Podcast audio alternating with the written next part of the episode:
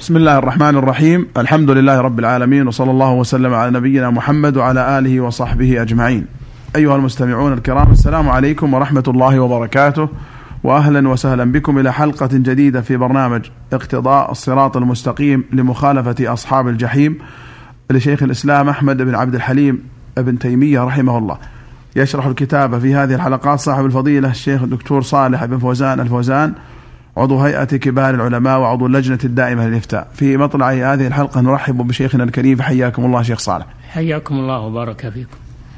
كنا مع المؤلف رحمه الله في حديثه عن زيارة القبور واتخاذها أعيادا وقفنا عند قوله ولم يثبت عن النبي صلى الله عليه وسلم حديث واحد في زيارة قبر مخصوص ولا روى أحد في ذلك شيئا لا أهل الصحيح ولا السنن ولا الأئمة المصنفون في المسند كالإمام أحمد وغيره. بسم الله الرحمن الرحيم. الحمد لله رب العالمين وصلى الله وسلم على نبينا محمد وعلى آله وأصحابه أجمعين. كما تقدم من كلام الشيخ رحمه الله في هذا الكتاب وفي غيره وعند غير شيخ الإسلام أيضا من العلماء أن زيارة القبور مستحبة. إذا كان القصد منها السلام على الميت والدعاء له المغفرة والرحمة وهذا على وجه العموم قبور المسلمين. أما النص على زيارة قبر معين قبر فلان فهذا لم يرد كما ذكر الشيخ فيه دليل على تخصيص أحد. وإنما المشروع زيارة قبور المسلمين عموما. وكذلك زيارة قبور الكفار لأجل الاتعاظ والإعتبار لا من أجل الدعاء لهم. والاستغفار لهم وإنما من أجل أن يعتبر الزائر فقط. فهذا هو المشروع من زيارة القبور. نعم. أحسن الله عليكم. قال رحمه الله وإنما روى ذلك من جمع الموضوع وغيره. وأجل حديث روي في ذلك ما رواه الدار قطني وهو ضعيف باتفاق أهل العلم بالأحاديث المروية في زيارة قبره كقوله من زارني وزار أبي إبراهيم الخليل في عام واحد ضمنت له على الله الجنة ومن زارني بعد مماتي فكأنما زارني في حياتي. ولمن حج ولم يزرني فقد جفاني. ونحو هذه الأحاديث كلها مكذوبة موضوعة. نعم. وبناء على ما تقدم من القاعدة التي ذكرها الشيخ رحمه الله أنه إنما شرعت زيارة القبور على وجه العموم ولم يخصص قبر لا قبر نبي ولا قبر ولي ولا غير ذلك. وبناء على ذلك فما روي في زيارة قبره صلى الله عليه وسلم على وجه الخصوص والأمر بها أمر مكذوب على الرسول صلى الله عليه وسلم. كما نص على ذلك أئمة الحفاظ كالشيخ هنا كما ذكر هنا وكما ذكر غيره من أن كل الأحاديث الواردة في خصوص زيارة قبره صلى الله عليه وسلم قبل الحج أو بعده أو غير ذلك كلها أحاديث مكذوبة لا يحتج بها. نعم. لكن النبي صلى الله عليه وسلم رخص بزيارة القبور مطلقا بعد أن كان قد نهى عنها. كما ثبت عنه في الصحيح أنه قال كنت نهيتكم عن زيارة القبور فزوروها. وإنما يدخل تدخل زيارة قبره صلى الله عليه وسلم وقبر صاحبيه وقبور أصحابه تدخل في عموم الأمر. بزيارة القبور لا أنها مخصصة دون غيرها. نعم. وفي الصحيح عنه صلى الله عليه وسلم أنه قال استأذنت ربي في أن أستغفر لأمي فلم يأذن لي واستأذنت في أن أزور قبرها فأذن لي فزوروا القبور فإنها تذكركم الآخرة.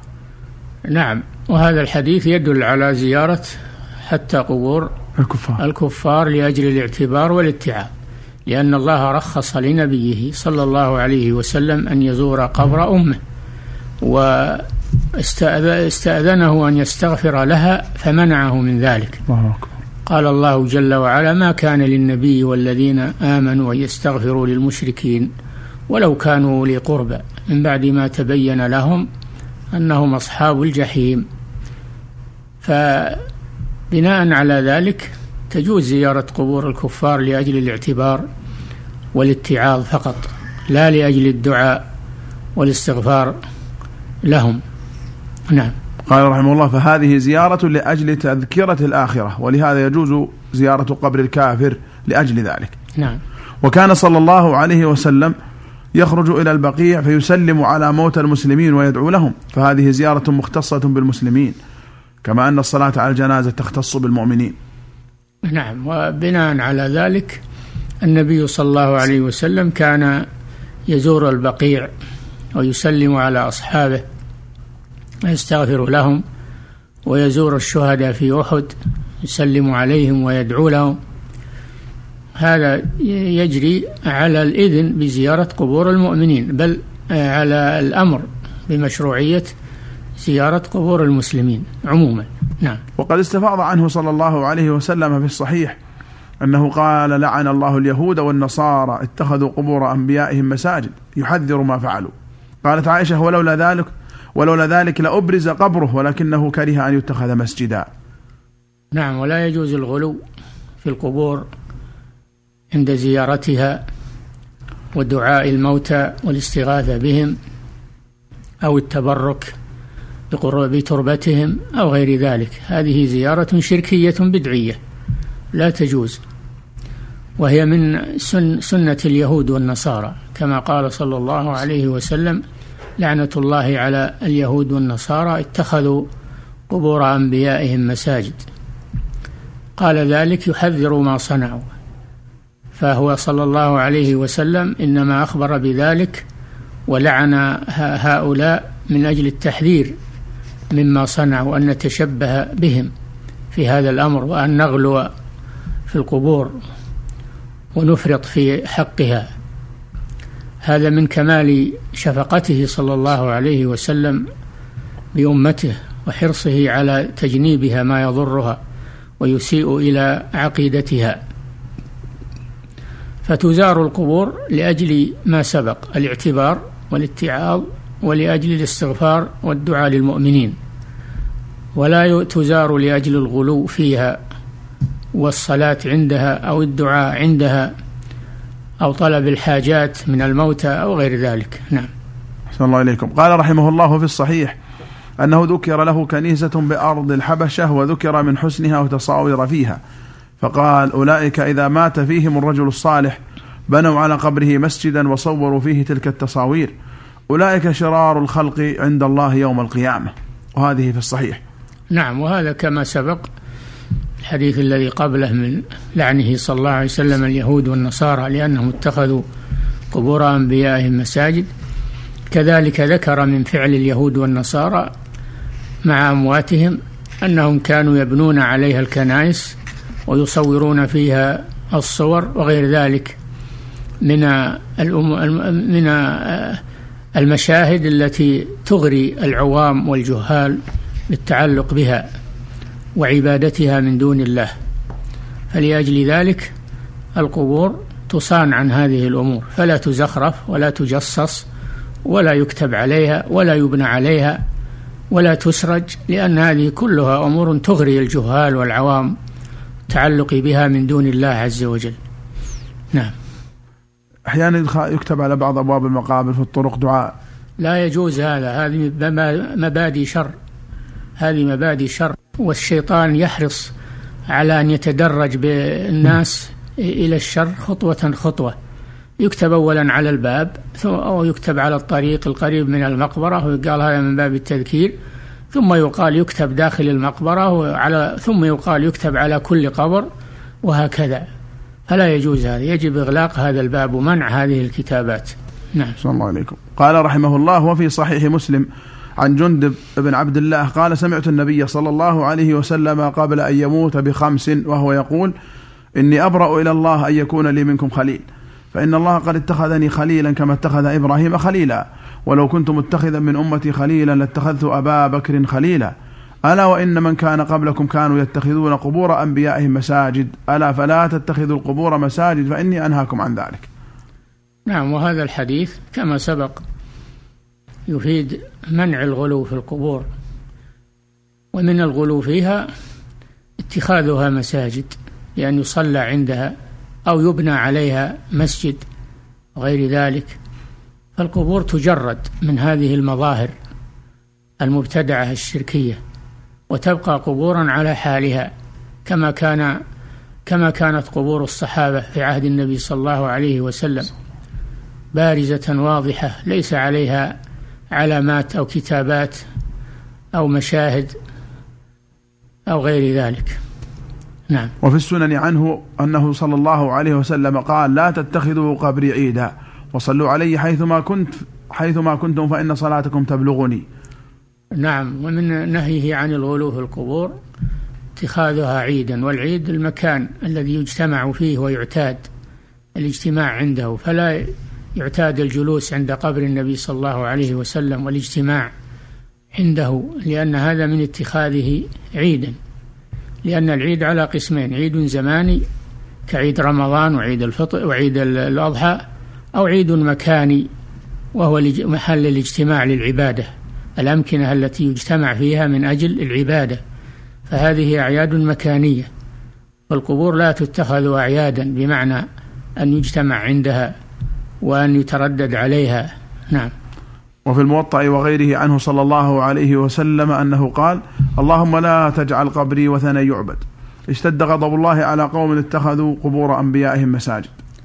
النبي صلى الله عليه وسلم دعا ربه أن لا يجعل قبره وثنا يعبد من دون الله. الوثن هو ما عبد من دون الله عز وجل من سائر الأشياء كالصور وال والأشجار والأحجار والقبور وغير ذلك فالوثن هو كل ما عبد من دون الله عز وجل. وكيف يكون قبر النبي صلى الله عليه وسلم وثنا؟ إذا غلي إذا غلي فيه واشتد في حقه صلى الله عليه وسلم وجعل مكانا للصلاة والعبادة والدعاء إنما المشروع أن يسلم المسلم عليه عند قدومه من السفر ويمضي ولا يجلس. نعم. وفي المسند وصحيح أبي حاتم عن ابن مسعود رضي الله عنه أنه صلى الله عليه وسلم قال إن من شراء إن من شرار الناس من تدركهم الساعة وهم أحياء والذين يتخذون القبور مساجد. وهذا الحديث يدل أيضا على أن على منع اتخاذ القبور مساجد يعني محل الصلاة سواء بني عليها مسجد أو لم يبنى, يبنى عليها مسجد. فمنهي عن ذلك لأن هذا من وسيلة الشرك. وإن كان المصلي يصلي لله لكن صلاته في هذا المكان تعلق قلبه أو قلب غيره بالقبر فيدعوه ويتبرك به من دون الله ولو على المدى البعيد, البعيد. حسما للمادة تمنع الصلاة عند القبور مطلقا. نعم. ومعنى هذه الأحاديث متواتر عنه صلى الله عليه وسلم بأبي هو وأمي وكذلك عن أصحابه.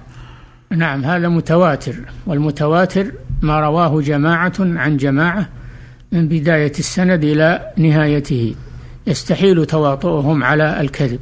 هذا هو المتواتر. قد تواتر عنه صلى الله عليه وسلم تواترا معنويا أنه نهى عن الغلو في القبور بأي نوع من أنواع الغلو. والإطراء. نعم. فهذا الذي ينهى عنه من اتخاذ القبور مساجد مفارق لما أمر به وشرعه من السلام على الموتى والدعاء لهم فالزيارة المشروعة من جنس الثاني والزيارة المبتدعة من جنس الأول. النبي صلى الله عليه وسلم إنما أمر بزيارة القبور للسلام على الأموات والدعاء لهم ونهى عن الغلو في القبور في البناء عليها أو الدعاء عندها أو الصلاة عندها أو أشد من ذلك الاستغاثة بالميت أو طلب الحوائج من الأموات.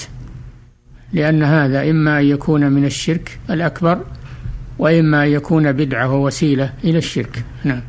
قال فإن نهيه عن اتخاذ القبور مساجد يضمن النهي عن بناء المساجد عليها وعن قصد الصلاة عندها وكلاهما منهي عنه باتفاق العلماء فإنهم قد نهوا عن بناء المساجد على القبور بل صرحوا بتحريم ذلك كما دل عليه النص.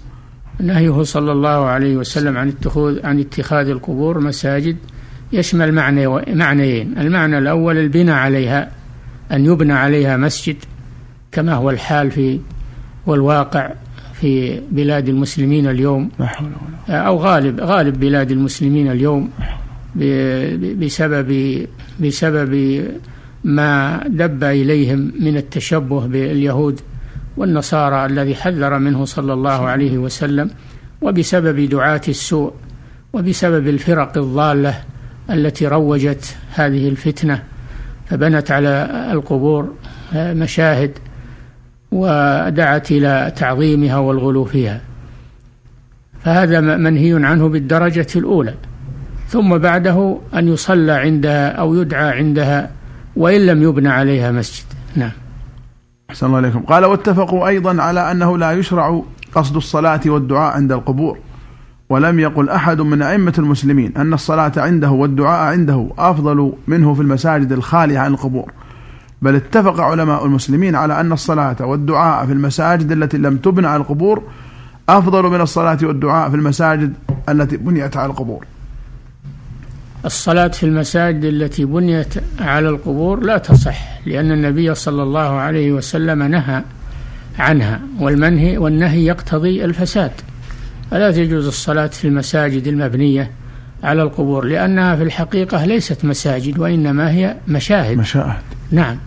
أما الصلاة المشروعة فإنما تكون في المساجد الخالية من مظاهر الشرك لقوله تعالى وأن المساجد لله فلا تدعوا مع الله أحدا نعم. أحسن الله عليكم قال رحمه الله بل الصلاة والدعاء في هذه منهي عنه مكروه باتفاقهم وقد صرح كثير منهم بتحريم ذلك بل وبإبطال الصلاة فيها وإن كان في هذا نزاع. النزاع إنما هو في إبطال الصلاة نظرا لأن المصلي لم يقصد القبر وإنما يقصد الصلاة لله عز وجل. لكن لما كانت صلاته منهيا عنها في هذا المكان بعض العلماء وهم المحققون من العلماء يرون بطلانها لأن النهي يقتضي الفساد كما هي القاعدة الأصولية. والفريق الآخر يرى أن الصلاة في حد ذاتها صحيحة لكن يأثم على أدائها في هذا المكان لأنه ارتكب النهي. نعم. الله عليكم والمقصود هنا أن هذا ليس بواجب ولا مستحب باتفاقهم بل هو مكروه باتفاقهم. نعم تواترت النصوص كما سبق وأجمع العلماء على أنه لا تجوز الصلاة عند القبور. لأن النبي صلى الله عليه وسلم نهى عن ذلك وشدد ونهى عن اتخاذها مساجد والصلاة عندها والدعاء عندها لأن هذا من وسائل الشرك. نعم. والفقهاء قد ذكروا في تعليل كراهة الصلاة في المقبرة علتين إحداهما نجاسة التراب باختلاطه بصديد الموتى وهذه علة من يفرق بين القديمة والحديثة وهذه العلة في صحتها نزاع. لاختلاف العلماء في نجاسة تراب القبور. وهي من مسائل الاستحالة. وأكثر علماء المسلمين يقولون إن النجاسة تطهر بالاستحالة وهو مذهب أبي حنيفة وأهل الظاهر وأحد القولين في مذهب مالك وأحمد. نعم. وقد ثبت في الصحيح أنه ثبت في الصحيح أن مسجد النبي صلى الله عليه وسلم كان حائطا لبني النجار وكان قبورا من قبور المشركين ونخلا وخرابا. نعم. فأمر النبي صلى الله عليه وسلم بالنخيل فقطعت وبالخرب فسويت وبالقبور فنبشت وجعل النخل في صف القبلة. نعم. فلو كان تراب قبور المشركين نجسا لأمر النبي صلى الله عليه وسلم بنقل ذلك التراب فإنه لا بد أن يختلط ذلك التراب بغيره. والعلة الثانية نعم. ما, ما في ذلك من مشابهة الكفار بالصلاة عند القبور لما يفضي إليه ذلك من الشرك وهذه العلة صحيحة باتفاقهم. نعم. النبي صلى الله عليه وسلم نهى عن الصلاة عند القبور. اختلف العلماء في علة ذلك أو في تعليل ذلك. على قولين القول الأول أن العلة هي النجاسة لأن صديد الموتى يختلط بالتراب فيكون نجسا؟ والصلاة لا تجوز في الأرض النجسة. وهذه العلة غير صحيحة. نعم. لما ذكر الشيخ رحمه الله من أن مكان مسجده صلى الله عليه وسلم كان في الأصل فيه قبور للمشركين. فأمر بها فنبشت ولم يرد عنه أنه أمر بتطهير المكان. فدل على أن هذا هذه العلة ليس لها أصل وليست صحيحة. هذا من ناحية. نعم. الناحية الثانية أن أنه لو قيل لو قيل إنها إنها نجسة وأن صديد الموتى لا يزال فيها فإنها قد طهرت بالاستحالة. والشيء طهر بالاستحالة مذهب قوي من مذاهب العلماء. أن الشيء إذا استحال وتحول من حاله إلى حال أخرى أنه يزول الحكم. آه، يكون الاستحالة قد طهرت هذه الأمكنة على طول الزمان والشمس والريح وغير ذلك. فهذه علة واهية ولا يلتفت إليها. والتعليل الصحيح وهو القول الثاني أن العلة هي آه، هي أن العلة هي هي أنها وسيلة إلى الشرك. أن هذا العمل وسيلة إلى الشرك. وقد جاء الشرع بسد الوسائل المفضية إلى إلى الشرك. نعم. أحسن الله عليكم. قال رحمه الله والمعللون بالأولى كالشافعية وغيره عللوا بهذه أيضا وكرهوا ذلك لما فيه من الفتنة.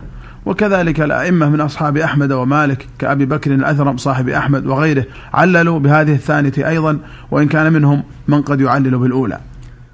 نعم والذين قالوا بالعلة الأولى وهي النجاسة نجاسة المكان لم يقتصروا على هذا بل عللوا بالعلة الثانية وهي خو وهي أن هذا وسيلة إلى الشرك. إلى الشرك.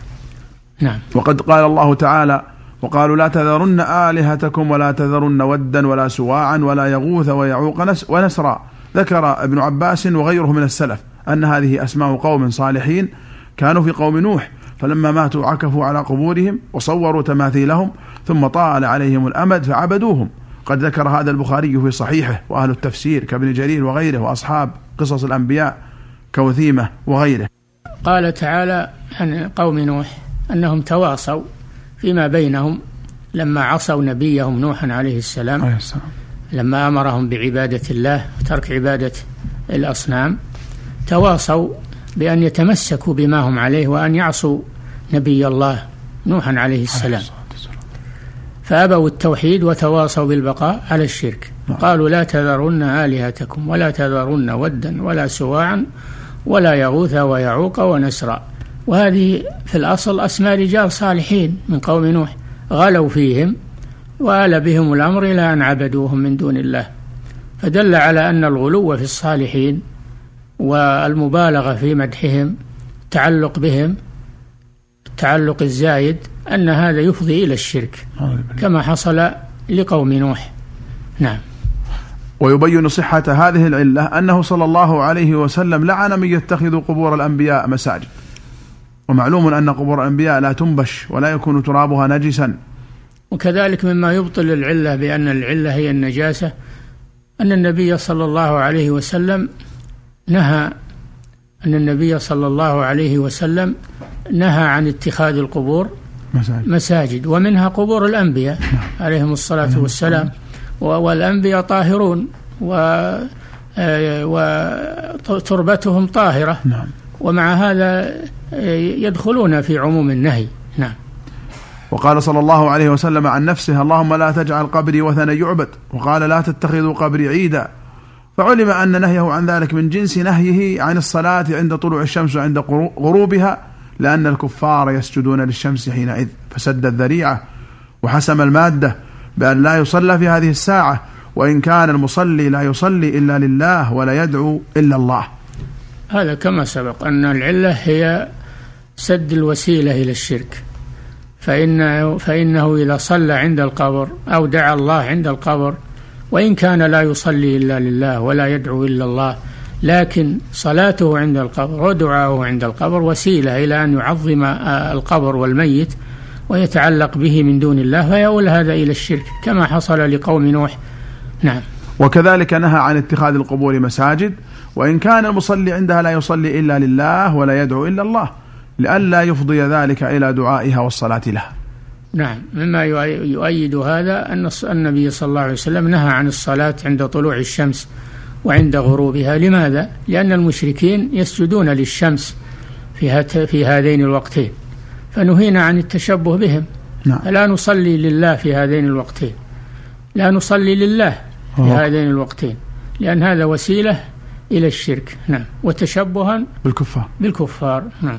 قال وكلا الأمرين قد وقع فإن من الناس من يسجد للشمس وغيرها من الكواكب ويدعو لها بأنواع الأدعية والتسبيحات ويلبس لها من اللباس والخواتم ما يظن مناسبة ما يظن مناسبته لها ويتحرى الأوقات والأمكنة والأبخرة المناسبة لها في زعمه. نعم. من من من البشر من يعبدون الكواكب. كقوم نمرود وجماعة نمرود الذين بعث إليهم إبراهيم الخليل عليه الصلاة والسلام. كانوا يتقربون إلى الكواكب ويسجدون لها ويعبدونها ومن ذلك الشمس والقمر. فكما أن أن أن أن أن الكواكب تعبد من دون الله كذلك القبور تعبد من دون الله. والنبي صلى الله عليه وسلم جاء بسد الوسيلة إلى الأمرين. فلا يصلى عند طلوع الشمس وعند غروبها ولا يصلى عند القبر ولا يدعى عند القبر. كل هذا من أجل سد الوسيلة المفضية إلى الشرك. نعم. قال وهذا من أعظم أسباب الشرك الذي ضل به كثير من الأولين والآخرين. نعم. حتى شاع ذلك في كثير ممن ينتسب إلى الإسلام. وصنف فيه بعض المشهورين كتابا سماه السر المكتوم في السحر ومخاطبة النجوم على مذهب المشركين من الهند والصابئة والمشركين من العرب وغيرهم. مثل طمطم الهندي وملكوشة البابلي وبن وحشية وأبي معشر البلخي وثابت بن قرة وأمثالهم ممن دخل في هذا الشرك وآمن بالجبت والطاغوت وهم ينتسبون إلى أهل الكتاب. كما قال الله تعالى ألم تر إلى الذين أوتوا نصيبا من الكتاب يؤمنون بالجبت والطاغوت ويقولون للذين كفروا هؤلاء يهدى من الذين آمنوا سبيلا أولئك الذين لعنهم الله ومن يلعن الله فلن تجد له نصيرا. وقد قال غير واحد من السلف الجبت السحر والطاغوت الأوثان. نعم. وبعضهم قال الشيطان كلاهما حق. نعم. فلما كان لما كان الغلو في هذه الأشياء يفضي إلى الشرك نهى النبي صلى الله عليه وسلم عن الصلاة عند القبور والدعاء عند القبور كما نهى عن الصلاة عند طلوع الشمس وعند غروبها. كل ذلك لأجل سد الوسيلة المفضية إلى الشرك ومنع ومنع للتشبه بالكفار. قوله صلى الله عليه وسلم من تشبه بقوم فهو منهم. ووجد في الأمم من عبد النجوم كما سبق ووجد منهم الكثير من عبد القبور والأولياء والصالحين. حتى إن بعض العلماء في في في, في الإسلام صنف كتابا وهو الرازي صنف كتابا سماه السر المكتوم في مخاطبة النجوم. ويقال إنه تاب من ذلك نرجو أنه تاب من ذلك لكن الكلام على أن هذا أمر موجود. نعم. على أن هذا أمر موجود فلا يستغرب. ولذلك نهى النبي صلى الله عليه وسلم حسم المادة آه، حرصا على بقاء التوحيد ونفي الشرك. نعم. أحسن الله إليكم شيخنا وجزاكم خيرا. أيها المستمعون الكرام إلى هنا نأتي إلى نهاية هذه الحلقة من برنامج اقتضاء الصراط المستقيم لمخالفة أصحاب الجحيم مع صاحب الفضيلة الشيخ صالح بن فوزان الفوزان. شكر الله لشيخنا ما تكرم به من الشرح والبيان وشكر لكم حسن استماعكم ونفعنا وإياكم بما نقول ونسمع. هذه في الختام تحية أخي مهندس الصوت ناصر الجريسي. حتى نلقاكم في الحلقة القادمة إن شاء الله. نستودعكم الله. والسلام عليكم ورحمة الله وبركاته.